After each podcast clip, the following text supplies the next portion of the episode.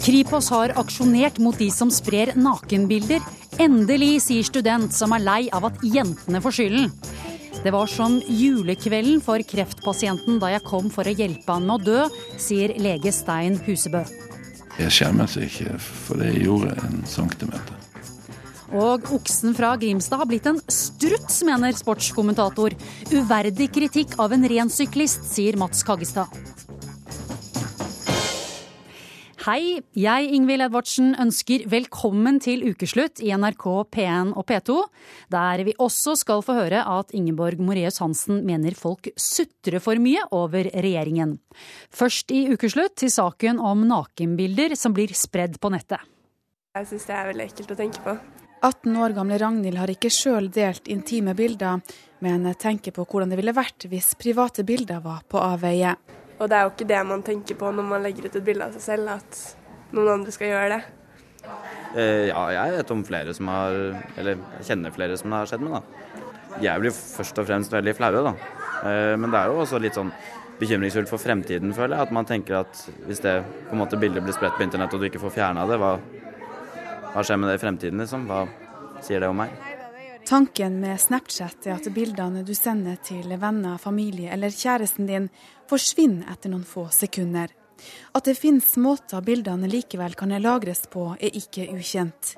Men forrige fredag kom det frem at tusenvis av bilder av norske Snapchattere er lekka på nett etter et datainnbrudd hos applikasjonen Snapsaved. Mange av bildene som nå er på avveie, er intime bilder av barn og ungdom. Hvis vi går inn i en av mappene, så er det da bilde av uh, individet. Uh, her er en som hevder at han har gått på skole med henne. Journalist Henning Lid i NRK Beta har nøsta i trådene etter Snapchat-skandalen. Det førte han til et stort norsk nettverk med private bilder av jenter. Enkelte bilder er henta fra Snapchat, mens andre bilder er henta fra private nettskyer. Det virker sånn nettverket opererer ut ifra ei nettside der de kommuniserer ganske fritt. Um, alderen på, på, disse guttene som, som uh, er aktive på nettverket, virker for oss å være fra 13 til 20 ca. Så da poster de bare et åpent spørsmål på det nettstedet her og spør er det noen som er bilde av Camilla R fra Telemark. Uh, var jo fiktivt navn, selvfølgelig. Og um, da kommer det flere andre gutter i nettverket og, og, går aktivt inn og prøver å hacke seg inn på kontoene til det individet her. Og ser ut til å da hente ut mye av, uh, av innholdet på f.eks. iCloud eller Snapchat-kontoene til da Camilla. Enkelte steder kan du også ved siden av intime bilder finne detaljert informasjon om jentene, som hvor hun jobber og når hun er født. Nå identifiserer deg som 17 år gammel ja. med helt tydelige pornografiske bilder. Mm. Og her er det identifisert hvor hun bor, med et eh, Google-kart hvor det er lagt en nål på adressa hennes. Eh, telefonnummeret hennes er identifisert, og navnet på mora, hva mora jobber med. På et annet forum som nå er stengt, ble også bilder delt. Der chatta gutta med hverandre mens de tilsynelatende diskuterte husflid. Det kunne høres sånn ut. Det må jo være noen som har noe, for hun er sykt løs og har sendt mye bilder rundt. Jeg har en digg NN-video av søtnos og fulle camshot av Yes-girl. Du som har seks videoer av Yes-girl, vil du dele de? I en undersøkelse Medietilsynet har gjort, svarer 20 000 tenåringer at de har sendt et nakenbilde av seg sjøl det siste året. De kan jo tro at det er på en måte litt morsomt akkurat der og da. Uh, ja, og så bare sprer det seg, og så kommer konsekvensene det er en slags norm i seg selv, vil jeg ha det blitt, føler jeg. Eh, man kan hende at man blir presset til det. Uh, ja, altså jeg tenker at sikkert mye er press, sånn som du sier. Nei, f.eks. hvis man liker en gutt, da, så er det jo lett å bli Altså hvis han ber om det, så er jo ikke alle jenter så vanskelig å be, tenker jeg da. Alltid. Ingen av dem vi traff på gata har sjøl delt intime bilder men de fleste kjenner noen som har gjort det. Ja. ja. ja. det er jo vanlig for ja. mange sånn, hvis du har kjæreste og sånn, men mm. det, er ikke, det er ikke så måte, lurt å sende til folk du ikke er så god venn med. Reporter i dette innslaget var Kristin Esjeholm.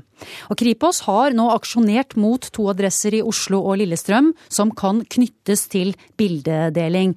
Og Eiliv Ofiksbø, avdelingsdirektør i Kripos, hvorfor har dere slått til mot disse adressene? For det første så er jo dette bilder som stammer fra et datainnbrudd. Og bilder som da er ervervet på ulovlig vis på den måten her, som da blir videreformidlet, det er ulovlig. Altså det går inn under, vi, under, under helleriparagrafen. Og eh, det vi forsøker med denne aksjonen, det er jo å begrense fortsatt deling av bildet. Vi har fulgt med på dette det siste døgnet og ser jo at eh, det deles stadig mer og mer. Så vi ønsker ved denne aksjonen da å begrense spredningen av bildene. Eh, samtidig har vi også da gått ut på de nettstedene hvor vi ser disse bildene blir delt, og lagt ut melding der som sier at dette er ulovlig, at man må stoppe med det. To personer er siktet. Hva konkret mener dere de har gjort? Eh, de har vi jo, Når vi nå fulgte med på, på denne spredningen nå siste døgn, så ser vi at eh, fra de IP-adressene, altså knyttes til disse personene, har det vært delt bilder med andre. Så disse har jo vært aktive da i deling og spredning av materiale. Det er snakk om eh, gutter ned i 13-årsalderen som er med på å spre disse bildene. Hva kan du si om alderen på de siktede? Alderen på de siktede, eh, de, som er mistenkt, eh, mistenkt i denne saken, er i 20-årene. Eh, vi har, når vi har sporet disse, disse, som sprer bilder, så har vi i utgangspunktet da IP-adressene. Så vi har ikke en total oversikt over alder på alle de som er involvert. Ja, takk til deg. Og etter at det ble kjent at disse nakenbildene er på avveie, har mange gått ut og oppfordret jenter til nettvett. Politiet har uttalt at det er en idiotisk handling å sende nakenbilde av seg selv. En stortingspolitiker har sammenlignet det med å sette ifra seg en veske i parken. Og Kripos har rådet jenter til kun å vise seg naken for kjæresten på et eh, lukket rom. Dette har du reagert på, Julia Krohn. Du er student. Hva er det du reagerer på? Jeg reagerer på at fokuset i denne saken etter at dette blir kjent, har vært på hva ofrene burde ha gjort annerledes, eh, hvordan de skal oppføre seg osv. Eh, og det på en måte fordømmer ofrene og forminsker den kriminelle handling som faktisk har skjedd, eh, i stedet for å gjøre det klart at her er det noen som har gjort en grov kriminell handling, og det må vi prøve å få stoppe, så er det eh, bare fokus på at slutt å være naken og ta bilde av det. Roar Thon, du er fagdirektør i Nasjonal sikkerhetsmyndighet, som er et ekspertorgan bl.a. for datasikkerhet. Du var en av de som var ute og uttalte deg. Du tvitret at det sikreste er å bare være naken, ikke ta bilder i det hele tatt. Hvorfor valgte du fokuset på jentene? Uh, ja, nå følte jeg ikke at jeg valgte fokus direkte på jentene. Det gjelder på et generelt grunnlag, og det underbygger det vi nesten snakker om hver eneste dag, uh, at man bør foreta en risikovurdering på det man altså deler på nett. Uh, slik at risikoen blir betraktelig redusert knytta til nakenbilder ved å ikke ta dem. Så betyr ikke det at man ikke skal ta nakenbilder. Jeg tror man må forstå at dette gir, altså, gir bildetakeren noe eh, i en eller annen forstand. Og dette må veies opp imot altså, risikoen det er for at dette blir spredd utover det man, altså, den man egentlig hadde tenkt å sende dette til. Ja, Krohn, Er det ikke greit å be folk være litt forsiktige? Jo, men selvfølgelig. Det letteste for å ikke bli utsatt for noen som helst form for kriminalitet, er jo å sitte hjemme og aldri gå ut. Altså, Hvor langt er det meningen at vi skal tenke? Eh, jeg føler at Hvis det f.eks. hadde vært en e-postinnboks som hadde blitt hacket, eh, hvor ja, man sender jo personlige opplysninger der og det hadde blitt spredd, da tror jeg reaksjonen hadde vært helt annerledes. Det er så typisk at når det er unge jenter som er ofrene, så får vi bare oppfordringer om hva vi burde gjøre annerledes, eh, hvordan vi skal sikre oss for at ikke dette skal skje igjen. Og vi kan på en måte ikke hele tiden Eh, gjøre en sånn risikoanalyse, fordi vi sprer ting på internett eh, og deler personlige ting der i andre former også. Ja, uh, Ton, hvor langt kan man forvente at uh, ungdommene tenker? Vi hører jo ikke de samme advarslene mot det å sende en e-post. Jo, vi gjør egentlig det hele tiden. Det er kanskje bare at det ikke blir fanget opp på samme måte. Det er nasjonal sikkerhetsmåned denne måneden, og vi, vi, prediker så til de grader risikovurdering knytta til en rekke forskjellige ting. Men skal man la være å sende e-poster som inneholder informasjon som man ikke har lyst at skal publiseres på en nettside. F.eks. en hvor man sier i dag syns jeg sjefen var skikkelig dritt. Er det, er det det samme? Nei, altså Poenget er at ikke du ikke skal gjøre noe, men at du må foreta en risikovurdering hva konsekvensene er ved å dele det. Uh, slik at uh, dette blir på en viss grad det samme som å advare mot at uh, det er farlig i trafikken, og så må man bevege seg deretter. Forskjellen her det er at i det trafikkbildet vi da ser, er at det eksisterer mennesker som utnytter altså på mange måter svakheter, og det er sjelden til vår fordel. Kron, hvordan tror du disse jentene som nå sitter hjemme og leter etter tror kanskje nakenbilder kan ha blitt spredd, hvordan tror de, de opplever denne kritikken som rettes mot dem? Eh, jeg tror at de det er jo, De blir jo påført skam, eller det er jo skamlegging av det de har gjort. I hvert fall når man leser kommentarer fra politiet hvor de syns at det er en idiotisk handling. De syns det er unaturlig at noen vil gjøre det. Mens eh, når de snakker om hackerne, så er det at vennskap kan snu så fort, og eh, man må være forsiktig det gjør jo at de må jo virkelig skamme seg over det de har gjort, istedenfor ja. å tenke at de har blitt utsatt for en seksuell overgrep, på en måte. Vi har fortsatt med oss eh, Ja, vær så god. Ja, altså, Jeg stiller meg helt bak at man overhodet ikke skal moralisere rundt dette her. Altså, eh, man, Folk skal få lov til å gjøre veldig mye, men det vi er ute etter er en høyere bevissthet på at det eksisterer en risiko. For Hvis man ser på denne saken, så foreligger det allerede tillitsbrudd mellom avsender av bilde og mottaker, fordi man også har installert et annet program enn Snap. Vi har også med oss, eh, fortsatt med oss eh, Eilif Ofiksbø i Kripos. Eh, dere har jo også vært ute på sosiale medier rådet jenter til kun å vise seg nakne for kjæresten på et lukket rom. Forstår du den kritikken som er kommet mot dette? Jeg kan jo forstå det hvis vi ensidig legger ansvaret på jentene, som da eventuelt deler bilder, eller andre som deler bilder. Det, det skjønner jeg. Og men til syvende og sist er det jo slik at eh, du vil jo, som, eh, du vil jo redusere risikoen for at noe kommer på avvei ved å ikke være, legge så mye ting ut på nett. Det, det sier jo seg selv. Men så mener jeg samtidig da, at det er jo viktig at vi også legger til rette for, da, eller at vi bruker da tjenester som da har en viss form for sikkerhet, for at risikoen er mindre. Og at vi også fra myndighetenes side da er, i stand til å slå ned på det når det f.eks. blir kriminelt. At vi kan, kan statuere. Jeg tror også er veldig viktig at det er flere som trår til. Ja, Julia Krohn, nå tar jo Kripos grep, hørte vi i nyhetene her. De har slått ned på to adresser hvor, som de knytter til bildedeling. Hva syns du om det? Ja, Det syns jeg er kjempebra, men allikevel det eh, budskapet som henger igjen fra den uken som har gått nå, er jo at det ikke er stort man kan gjøre med det. Det var jo det politiet har uttalt seg om, som jeg har kunnet lese, iallfall. Kort til slutt må vi spørre Kripos. Uh, inntrykket vi fikk i begynnelsen var at dere ventet på anmeldelser. Uh, hva var det som gjorde at dere likevel begynte å se på aktiviteten på dette? Ja, Anmeldelser var knyttet til, til billedmateriale. Det som gjorde at vi nå gjennomførte denne aksjonen nå i, i, går, var jo fordi vi så at den delingen som, som var pågått, den økte i omfang. Og med større deling så er det flere bilder som kommer på avveie, flere som får tilgang til, den, til, det, til det materialet. Og det ønsket vi å begrense. Og Samtidig så må jeg understreke igjen at uh, dette er bilder som stammer fra et uh, datainnbrudd, og det er ikke lov å spre slike bilder.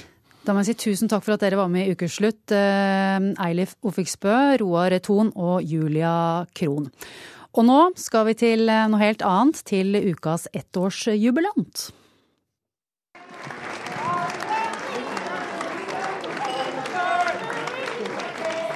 Hyggelig med ettårsdag, da. Og jeg er ganske stolt av det regjeringen har fått til i løpet av dette året, så da er jeg ekstra fornøyd. Eh, vårt forslag til løsning ivaretar abortsøkende kvinners eh, rettigheter. Er det ikke lov å tukle med lov? Det må jeg si. Det skjønner jeg ikke at det er blitt en stor likestillingssak. Takk for invitasjonen. Jeg har sett fram til å møte dere. Vi vil at mangfold og takker nei. Vi har lagt fram et godt tilbud. Jeg kunne veldig godt hatt en korvette. I Sverige har man 110-120 km, Danmark er helt opp i 130. Dette er veier som er dimensjonert for 120-130 km i timen. Klokka klang så fort vi sprang Vi trenger en arbeidstidsavtale som sikrer lærerne.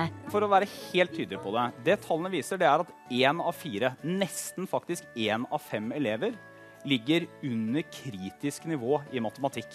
Da skal vi til uh, Høyres behandling av et uh, OL i Oslo i 2022. Og... Vi har hatt en veldig ålreit debatt, men det er anbefalinger ja, nei, betinga ja, betinga nei hele veien. Dette kulturbudsjettet har en ny retning. vi har en politikk om å ønske å redusere eh, pressens eh, avhengig av subsidier fra staten, og det er det som egentlig ligger der. Alle får lettelser i neste års budsjett. Ta f.eks. kjøp av ny bruktbil. Jeg er veldig fornøyd med at regjeringen har kommet godt i gang, men vi har masse ugjort eh, enda. Ja, På torsdag feiret regjeringen seg selv med kake. Men det er ikke alle som roper hurra for ettårsjubilanten. En av dem er deg, skuespiller Nils Ole Oftebro.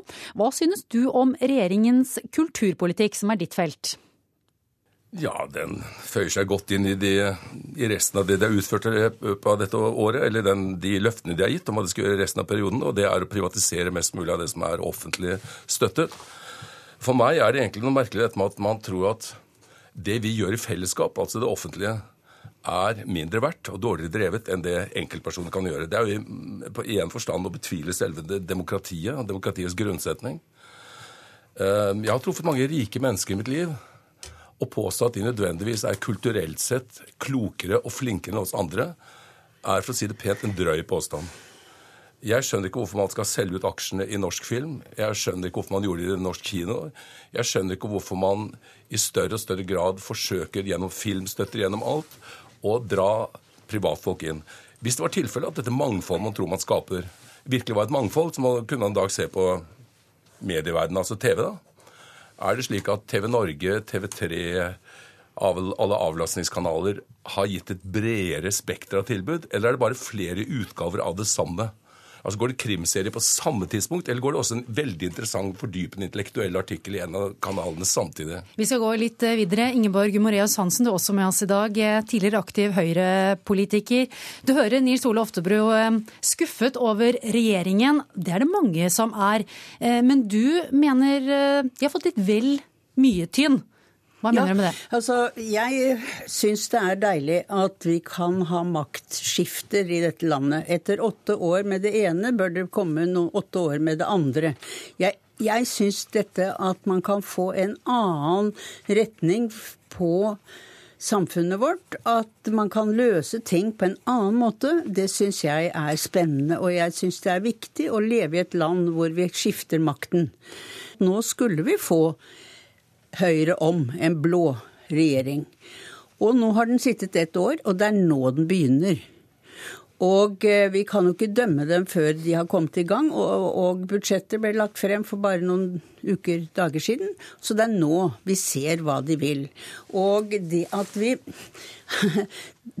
jeg, blir litt provosert av all denne sutringen fra alle mennesker som selvfølgelig ikke er fornøyd fordi vi har fått en annen politikk. Eh, og, og, det er liksom som om vi som ønsker denne andre alternativet, vi må be om unnskyldning fordi vi ikke fører den evige kongelige norske arbeiderpartipolitikken. Vi må la Oftebro få svare her. Eh, Ingeborg Mones Hansen sier at du sutrer. Ja, altså, Nå kommer jeg til å bruke et stygt ord, men jeg syns det å ønske en forandring for forandringens skyld, det er en fordummende påstand. Jeg mener at man skal ønske forandring, men fordi man vil noe bedre. Ikke for forandringen i seg selv. Hvis man mener at det forandres til noe bedre, absolutt søk den forbedringen. Demokratiet er at vi skal skifte på det. Og selvfølgelig mener Bli avbrutt, eller gjør jeg ikke? Takk for det. Vi har med oss Eirik Bergesen også. Du er redaktør i satiresiden Opplysningskontoret og tidligere UD-diplomat, blant annet.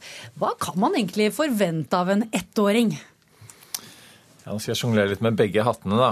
Um, og Ingeborg sier her at uh, man skal ikke dømme regjeringen uh, bare etter det første året, men det har man jo gjort. og i Aftenposten så Det er ikke, bare, det er ikke alle som er negative. Aftenposten de delte ut karakterer til regjeringen som om det var et privatgymnas med femmergaranti. og så kom Knut Arild Hareide på banen før han har forhandlet med dem om statsbudsjettet. Eh, og deler ut seksere som en eh, full sjømannsprest.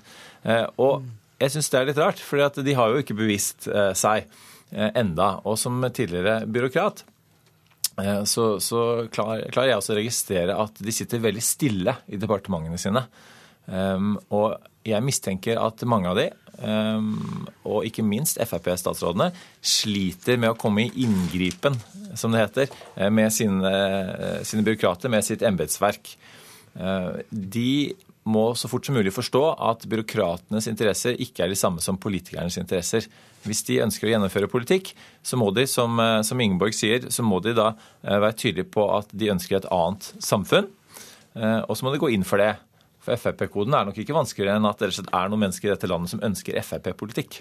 En vi har hørt mye fra de siste ukene, er Siv Jensen som ønsker kutt i formuesskatten. Nils Ole Oftebro, hva syns du om det?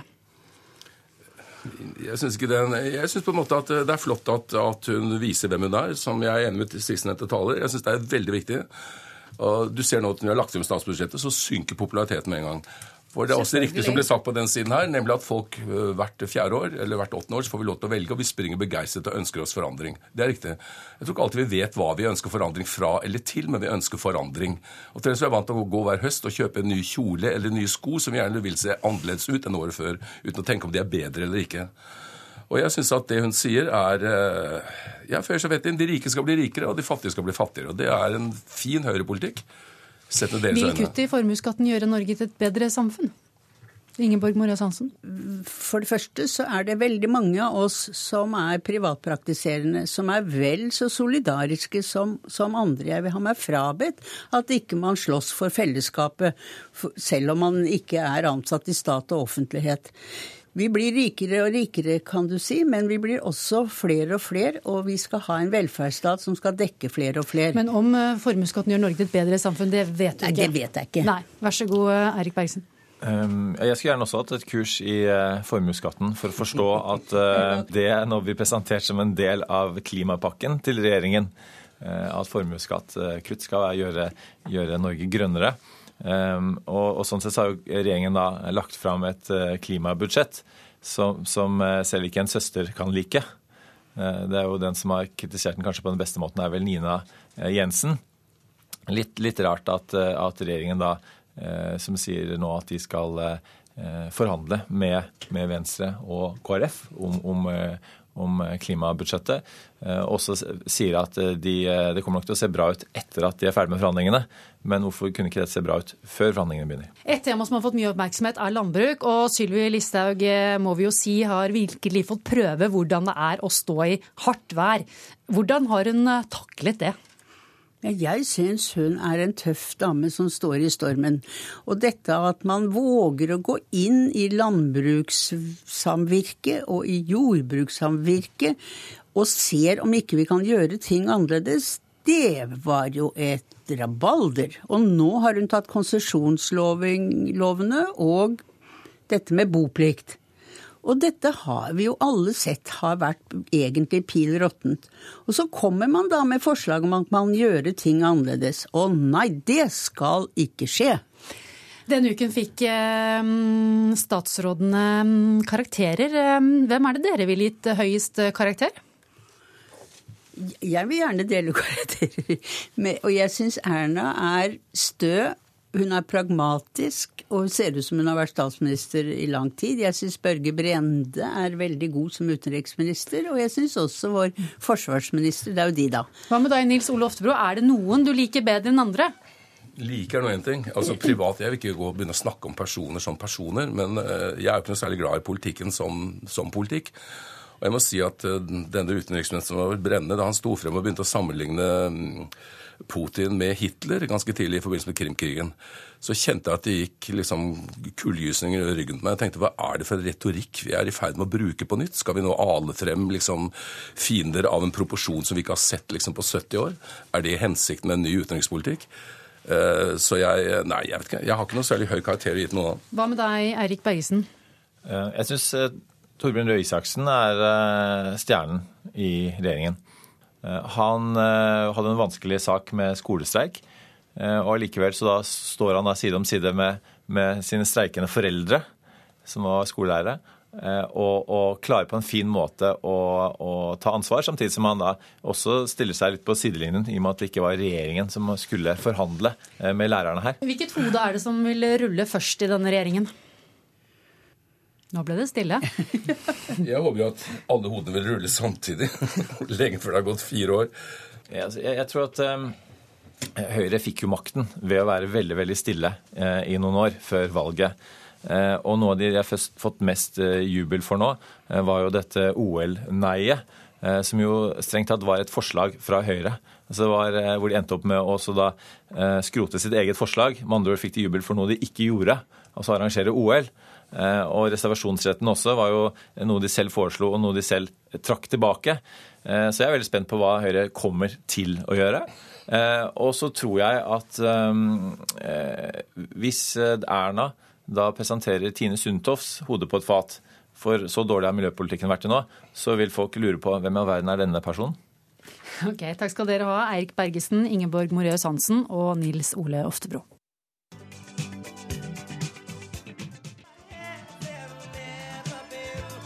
Du hørte Stevie Wonder med 'Happy Birthday'.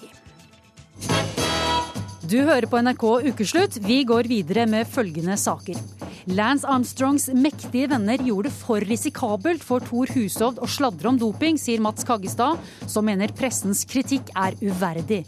Og deprimerte bør kunne få aktiv dødshjelp etter selvmordsforsøk, mener lege. Aktiv dødshjelp? Eh, jo, det er jeg for. Hvorfor det? Jeg syns man skal ha rett til å velge det selv. Oi, eh, jeg syns det er et veldig vanskelig spørsmål. Eh, I utgangspunktet så syns jeg det er trist at man har lyst til å ta sitt eget liv. Men allikevel så har jeg lest en del sånne case, så man forstår det. Men jeg har ikke turt å si endelig ja eller nei, men jeg er nok mest på nei. Aktiv dødshjelp, det syns jeg egentlig burde være opp til den enkelte.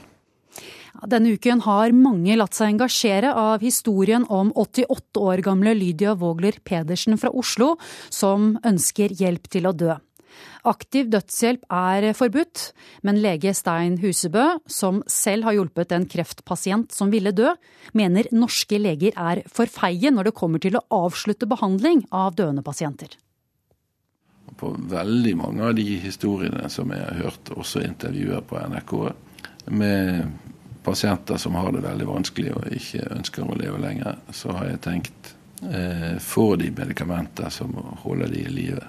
og det gjør de med stor sikkerhet. Og det er et brudd på etikk. Og Vi har ikke lov å ta livet av pasientene, men når pasienten sier 'jeg vil ikke lenger', la meg dø, så skal vi respektere det og ikke holde pasienten i live med våre medisinske tiltak. Dersom vi respekterte dette i praksis, så ville mye av denne debatten forsvinne. Ordene tilhører lege Stein Husebø, som i 1992 sto fram og fortalte at han hadde tatt livet av en ung kreftpasient som hadde så store smerter at han bare ville dø. Fra første gangen jeg kom inn gjennom døren, så sa han veldig tydelig at han ikke maktet å leve, og at han ønsket at livet ble avsluttet. Husebø avviste gjentatte ganger at det var et alternativ, men etter et alvorlig selvmordsforsøk bestemte han seg for å legge legeetikken til side. Og Da jeg da kom tilbake igjen, så var han veldig tydelig på hvilken etikk er viktigst nå. Er det meg det går om, eller er det deg det går om? Og jeg kjente at, eh, at han hadde et poeng. Og det var en veldig vanskelig situasjon. Da jeg kom tilbake igjen den kvelden, eh, så var det som å komme til julaften.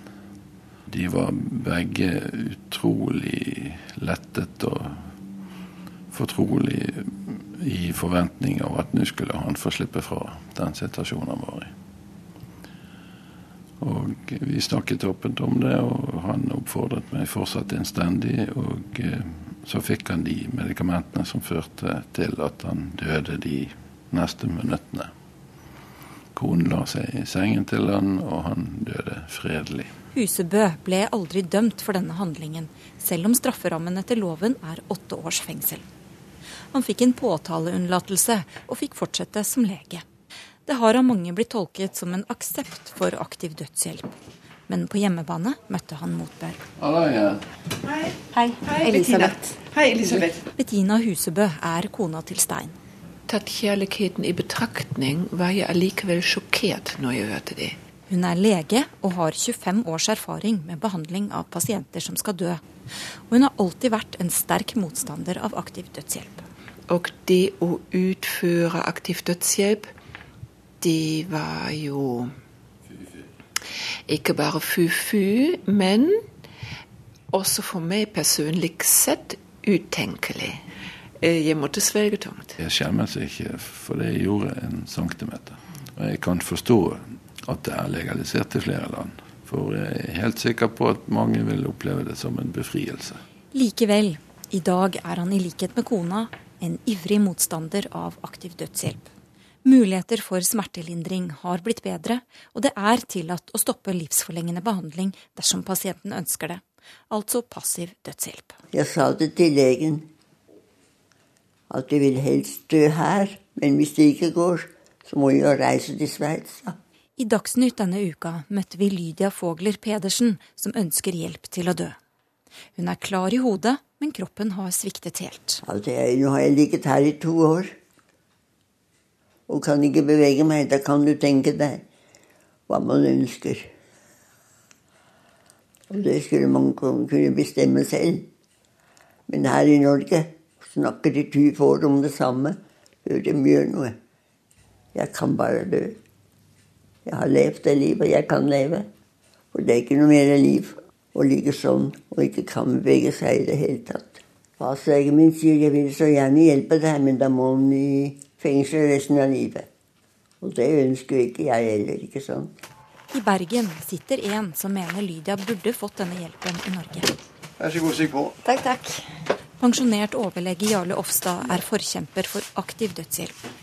Leger bør bl.a. ha lov til å assistere selvmord. Dvs. Si at de gjør en dødelig dose tilgjengelig for pasienten, men pasienten velger om og når hun vil ta den. Fordi det er noen som trenger det. De som er håpløst syke, og som ber om det. Hva mener du med håpløst syk? Vurdert medisinsk. At pasientens levetid er sterkt forkortet, og hans plager er uutholdelige. Så det holder ikke å være f.eks. deprimert? Jeg er ikke psykiater. Jeg kan godt tenke meg at det kan ligge innenfor hvis alt er prøvd. F.eks. gjentatte selvmordsforsøk og et sterkt ønske. Og alle medikamenter slått feil. Frykten til motstanderne er jo langt på vei at hvis man åpner for dette, så, så vil folk føle at det finnes en utvei på følelsen av å være en byrde, nemlig å gjøre slutt på livet. Deler du den bekymringen? Ikke, ikke, ikke i høy grad. Men ekteparet Husebø frykter nettopp en slik konsekvens. Og de mener aktiv dødshjelp også har et økonomisk aspekt. Selvfølgelig er det billigere å drepe folk. Det er helt klart. Men hva er så den prinsipielle forskjellen mellom å sette klart et giftbeger eller å gi en sprøyte, som er forbudt, og det å trekke ut kontakten fra respiratoren eller å stoppe medisinering, som i dag er tillatt? For legen blir det en kjempeforskjell. Altså, det Pasienten dør av sin sykdom, og jeg gjør alt for å lindre. Og det er OK, og det skal vi gjøre. I det andre tilfellet så ber pasienten legen om å skyte pasienten. Er ikke det vedkommendes rett å bestemme det? Det er vedkommendes rett å si det. Men det er ikke vedkommendes rett å si til en annen 'du skal drepe meg'. Det er det som er dilemmaet. Stein Husebø mener likevel at leger bør være flinkere til å benytte det rommet loven gir for passiv dødshjelp, og ikke holde folk som ønsker å dø, kunstig i livet. Ja, noen norske leger er feige. Vi leger er utdannet og opplært på en veldig god måte til å redde liv for enhver pris. Da. Vi er ikke like godt utdannet og opplært til å forstå at uh, døden for døende pasienter ofte er en befrielse. Reporter i denne saken var Elisabeth Onsom. Kari Kjønaas Kjos, Frp-politiker og leder i helse- og omsorgskomiteen på Stortinget. Du er for aktiv dødshjelp etter en opplevelse i din nære familie. Fortell om det. Ja, det er jo dessverre sånn noen ganger at det ikke er mer behandling å gi. Du vet at du skal dø, og det eneste man kan tilby, er å delvis fjerne ekstreme smerter. Og når du ligger i dagevis og bare venter på å få lov å slippe, og det eneste du ønsker er å få slippe der og da, men ingen er villig til å hjelpe deg, så er det en forferdelig situasjon eh, som pårørende å være vitne til. Og det er sånn at eh, når du mister folk som står deg nær, så må du gjennom en sorg. Men den sorgen blir veldig mye mer krevende når du føler at du har sviktet, og når du føler at den siste tiden bare var vond og vanskelig. Mathilde Tybring-Gjedde, du er også med oss i dag. Du er sentralstyremedlem i Unge Høyre og har engasjert deg mot aktiv dødshjelp. Du mener at dette er spørsmål som mennesker ikke bør bli stilt overfor. Hvorfor Mm. Jeg frykter at eh, ved å innføre en rett til aktiv dødshjelp, så signaliserer man til de pasientene som oppfyller de bestemte kriteriene politikerne har satt ned, at eh, vi kan forstå at du ikke lenger ønsker å leve. Og det er å plassere sårbare mennesker, hjelpeavhengige mennesker, i en situasjon der de må ta stilling til sitt eget livets verdi.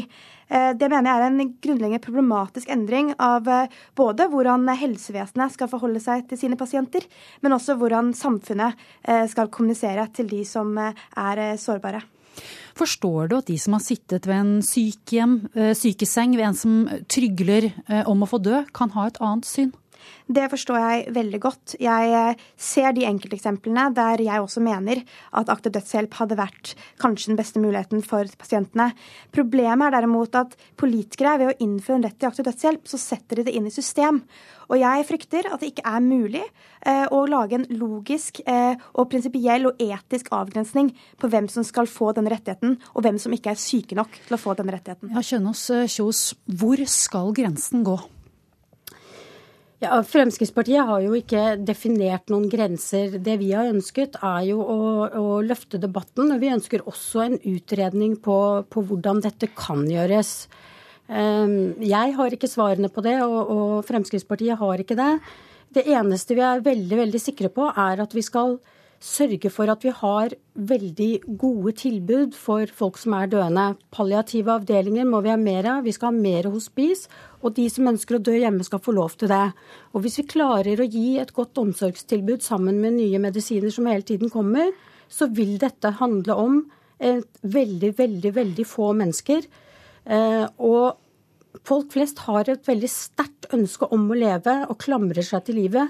Jeg har aldri vært noe engstelig for at de, når de ligger der, skal tenke at ja, det finnes jo en mulighet for aktiv dødshjelp, kanskje de forventer at jeg skal be om det. Det har jeg aldri tenkt tanken kunne skje. Ja, så god. Jeg vil jo legge til at eh, Hvis du ser på undersøkelser for Oregon, et av de, et av de eh, stedene hvor man har innført legeassosiert selvmord, så svarer jo 55% av de som ønsker aktiv dødshjelp, at de gjør det fordi de vil ikke føle seg som en byrde for samfunnet og for familien.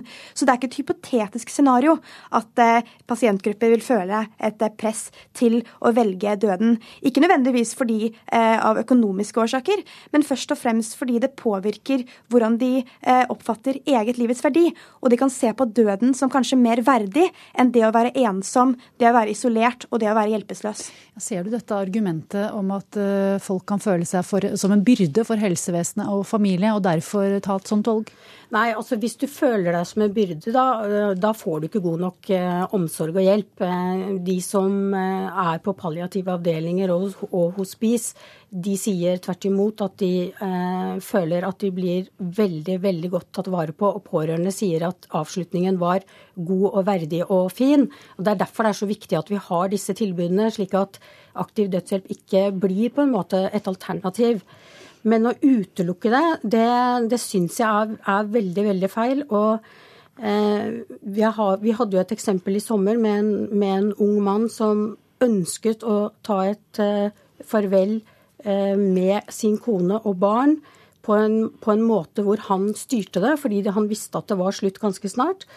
Eh, og at han hadde fått lov til å velge det et par-tre dager før enn det som skjedde, det har jeg veldig store problemer med å forstå at vi ikke kan oppfylle for de veldig, veldig få det gjelder. Jeg kan godt forstå at det finnes eh, de tilfellene, og jeg leser jo mange av de enkelteksemplene selv. Men samtidig så må vi jo se litt på det som har skjedd i land som har innført aktiv dødshjelp. I, eh, for noen måneder siden så fjernet eh, Belgia den nedre aldersgrensen for aktiv dødshjelp. Dvs. Si at barn som ikke kan stemme ved valg, men de kan da kontrollere når de selv vil dø. Og årsaken til at de fjernet det, var jo fordi de fant ikke en logisk grunn til å forbeholde rettigheten bare til voksne. Jeg må spørre deg, Kjønaas Kjos, hva er det som gjør at du tror at Norge skal klare å sette en klar, en klar grense, når andre land som har innført aktiv dødshjelp, tydeligvis ikke klarer det? Ja, altså De landene som endrer på reglene, er jo fordi at eh, det er et ønske om det i befolkningen. Og politikerne der ser at, eh, at, de ønsker å oppfylle det. Det blir opp til politikerne i hvert enkelt land hvor vi setter grensen. Å sammenligne oss med andre land som har gått lenger enn vi ønsker oss, det syns jeg er litt dårlig gjort overfor debatten. Uh, Tybring-Gjedde, så vidt jeg har skjønt så er det en stor del av norske befolkningen som er positive til aktiv dødshjelp. Er ikke det et argument for at iallfall stortingspolitikerne bør behandle dette? Dette seriøst, sette det på dagsorden? Jo, absolutt. Jeg skrev selv en kronikk denne uken som ønsket å sette det på dagsorden. Men jeg syns også det er viktig at eh, vi politikere ser på eh, at det er en legeforening er imot, at Sykepleierforbundet er imot, og at et flertall av de som er i livets siste fase, er imot at de skal bli stilt overfor det valget. Eh, legeforeningen er imot Kjønaas Kjos. Hvem mener du skal gjennomføre dødshjelpen? Det er jo mange enkeltleger som, som, støtter dette, og det vil jo uansett være eh, viktig at man ikke må være med på dette som fagperson eh, hvis man ikke ønsker det. Men som sagt, det er mange leger som har stått i disse dilemmaene selv og mener at eh, for enkelttilfeller burde det være mulig, og da kan vi åpne for de. Det var siste ord. Takk til dere, Kari Kjønaas Kjos, Mathilde Tybring-Gjedde. Og nå skal vi få høre First Aid Kit med My Silver Lining.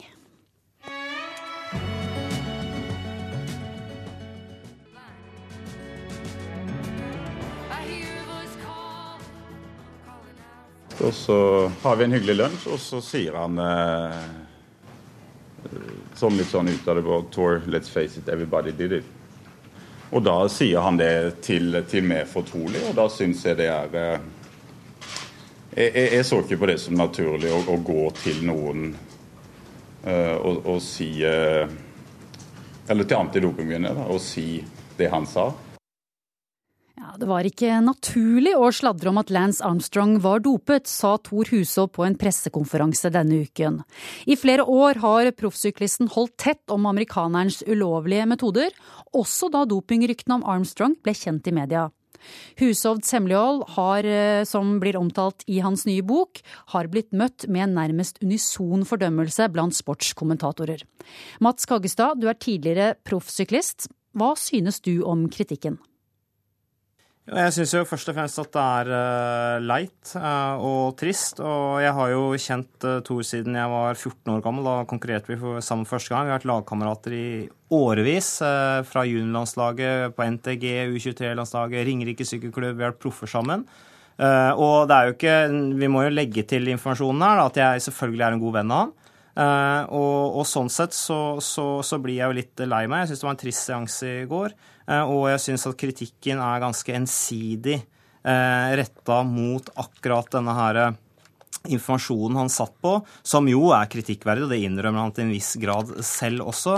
Han sier jo i boka si at han skulle gjerne Hadde han kunne gjort det om igjen, så hadde han konfrontert Armstrong med det der og da.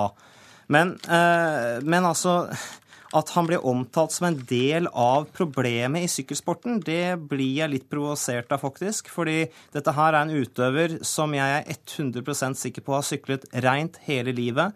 Eh, vi har snakket veldig mye om dopingproblematikken, jeg og han. Eh, og jeg har også sett han ta oppgjør med eh, lagkamerater i Kreditt Arcol for dårlige holdninger. Og, og sånn sett vært en bidragsyter, snarere tvert imot, til til rein idrett. Esno Sæther, du er sportskommentator i eh, Dagbladet. Og du skriver i en kommentar at oksen fra Grimstad har blitt strutsen fra Grimstad. Hva mener du med det? Ja, bortsett fra at jeg hadde lyst til å fortelle hvor flink jeg er i, i uh, naturfag, så, så, var det jo da et, uh, et bilde på, på at en utøver som jeg forventer meg veldig mye av, og som vi er blitt vant til å se som den store, sterke, Eh, ikke klarte å, å være det, men valgte å, å stikke hodet mot sanden eh, og la ting eh, passere.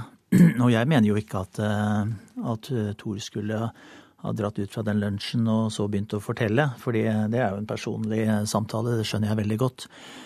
Men eh, det som skjedde etterpå, altså når vi skrur klokken eh, i retning nåtid og snakker om eh, de avsløringene som, som kom mot Armstrong fra sommeren 2012, og ser på de intervjuene han har gjort da, med tanke på det han visste, det syns jeg er litt, eh, litt, vondt å se på. fordi eh, da hadde jeg forventet at han skulle ha, ha vært klarere i, eh, i, i, å plassere Armstrong i, der han hører hjemme, altså blant gangsterne. Han ble bl.a. intervjuet av VG om disse dopingmistankene mot Armstrong, og da svarte han at jeg velger å stole på han. Hva syns du om det svaret, Mats Kagstad? Her har han vikla seg inn i ulykken her, er vennskapet til Lance Armstrong. Eh, åpenbart. Altså, det representerer ikke hans verdier og holdninger i det hele tatt. Eh, og, og, det som er så, så bittert da oppi dette her, er at eh, denne informasjonen han da ble sittende med, eh, det, det, det, det, har jo da ødelagt for han. Eh, og altså, hva skal jeg si, det er eh, jeg, jeg, tror han, altså han, han, skjønner jo det, det selv, men altså grunnen til Hva er årsaken til at han har holdt igjen på dette her og ikke sagt det? Eh, Esten sier jo én ting selv her, at dette er en personlig, privat samtale som er ett, et punkt som er viktig. En annen ting er jo det at OK, det har noe med hvordan kulturen i sykkelsporten var, hvordan den er bygd opp, hvilke personer som satt i sentrale posisjoner, og som hadde en nær relasjon til Lance Armstrong. Blant annet hadde Thor allerede signert en proffkontrakt med BMC, og sjefen i BMC, Jim Okovic, han har vært en nær relasjon med Lance Armstrong i alle år. Eh, og det er klart at for Thor da å, å gå ut, kanskje risikere å være et eh, Bli, bli, bli eh, fremsatt som et kronvitne i den saken, det ville kanskje vært ganske ødeleggende for hans karriere. da. Så det er veldig sånn sammensatt. Og du kan jo si det, ja, det blir jo da strussepolitikk, men fordi at han ønsker å ta vare på egen karriere, og fordi at problemet er så sammensatt at det ikke er lett for en utøver der og da å håndtere det. Men du valgte jo sjøl å, å, bryte med dette her, ikke sant? Og vi snakker om Tor Hushovd som på det tidspunktet var verdensmester og en ganske voksen eh, kar. Eh, og så hadde jeg syntes at det var kjempefint om han hadde turt å gjøre noe av det du turte å gjøre. Eh, jeg tror vi, jeg tror, jeg tror vi, jeg tror vi er der, og jeg tror at, at, du også er jo veldig opptatt av det at de som har jukset, sitter i alle mulige roller, og skal vi en eller annen gang klare å få det til, så er noen nødt til å risikere noe. Men Hva slags betydning har det at syklister har holdt tett om doping? Ja, det er jo klart at for, for, den sporten sin del så har det medvirket til at den er blant de idrettene som har de største problemene fortsatt. fortsatt. Og vi snakker, vi snakker, jo ikke så langt tilbake her. Her er det beslutninger som skulle vært tatt for en to-tre år siden. ikke sant? I det, I det, vi på sett og vis kan kalle en, eller som mange kalte en ny tid for sykkelsporten. Selv om selvfølgelig Armstrong var kjempeviktig, så har vi hørt gang etter gang at nå er ting forandret i sykling. Nå ser vi annerledes på det. Og det er litt vrient å se annerledes på det når, når de som vi stoler mest på, og det har vi grunn til når det gjelder Tor Hushov, for all del, men likevel ikke klarte å stå opp, eh, så tror jeg vi skal minne hverandre på og prøve å hjelpe de som, de som tør å stå fram. Ja, og jeg, den nye generasjonen, det sier jo også Tor Hushovd, og sånn sett så motsier han seg selv på den pressekonferansen her, og det blir han jo også kritisert for. Eh, og, og det tror jeg han vil skjønne også, at folk syns er, stiller spørsmålstegn ved, det er at fremtidens generasjon må selvfølgelig da, på en måte så sier han jo da, ikke gjøre som meg, de må faktisk gå og si det. Eh, når de har den type informasjon, som jeg tror for så vidt er veldig sjeldent at kommer fram på den måten det er blitt. Men Hva var da galt av medias eh, reaksjon denne gangen? Jo, det er at han Jeg syns det blir så uverdig i forhold til den utøveren jeg kjenner og de, de verdiene han har hatt med seg hele tiden. Han har jo løyet. Og, ja, han har løyet. Altså, han har, han har, ikke løyet, men han har holdt igjen informasjon som han ikke helt visste hvordan han skulle forholde seg til engang. Hvilke, hvilke rådgivere rundt han var det som sa til han at hvis du sitter med Lance Armstrong, han innrømmer doping med, til deg, så må du gå med det til myndighetene. Han, jeg tror ikke han tenkte over alternativene engang. Hesten og Sæther forsvarer han at han kanskje ikke har hatt gode rådgivere? Nei, det, det, tror ikke, altså Mats skal være venn, han, og det er helt ålreit. Men eh, jeg tror også du når, du, når du tenker deg litt om hva du sier, så, så, mener du også noe annet. Hvis du hadde trådt ut og vært den som hadde sett det fra sidelinja, så hadde du sagt akkurat det samme som meg. Takk for at dere var med i Ukeslutt, Max, eh, Mats Kaggestad og Esten O. Sæther. Og hvis det er noen som har hørt litt lyder underveis, så kan vi fortelle at Liam på to år også sitter på fanget til pappa Mats under hele denne debatten. Det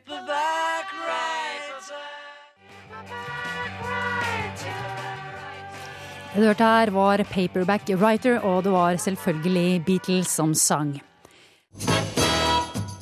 Ukeslutt er eh, over. Ansvarlig for denne sendingen var Kari Li.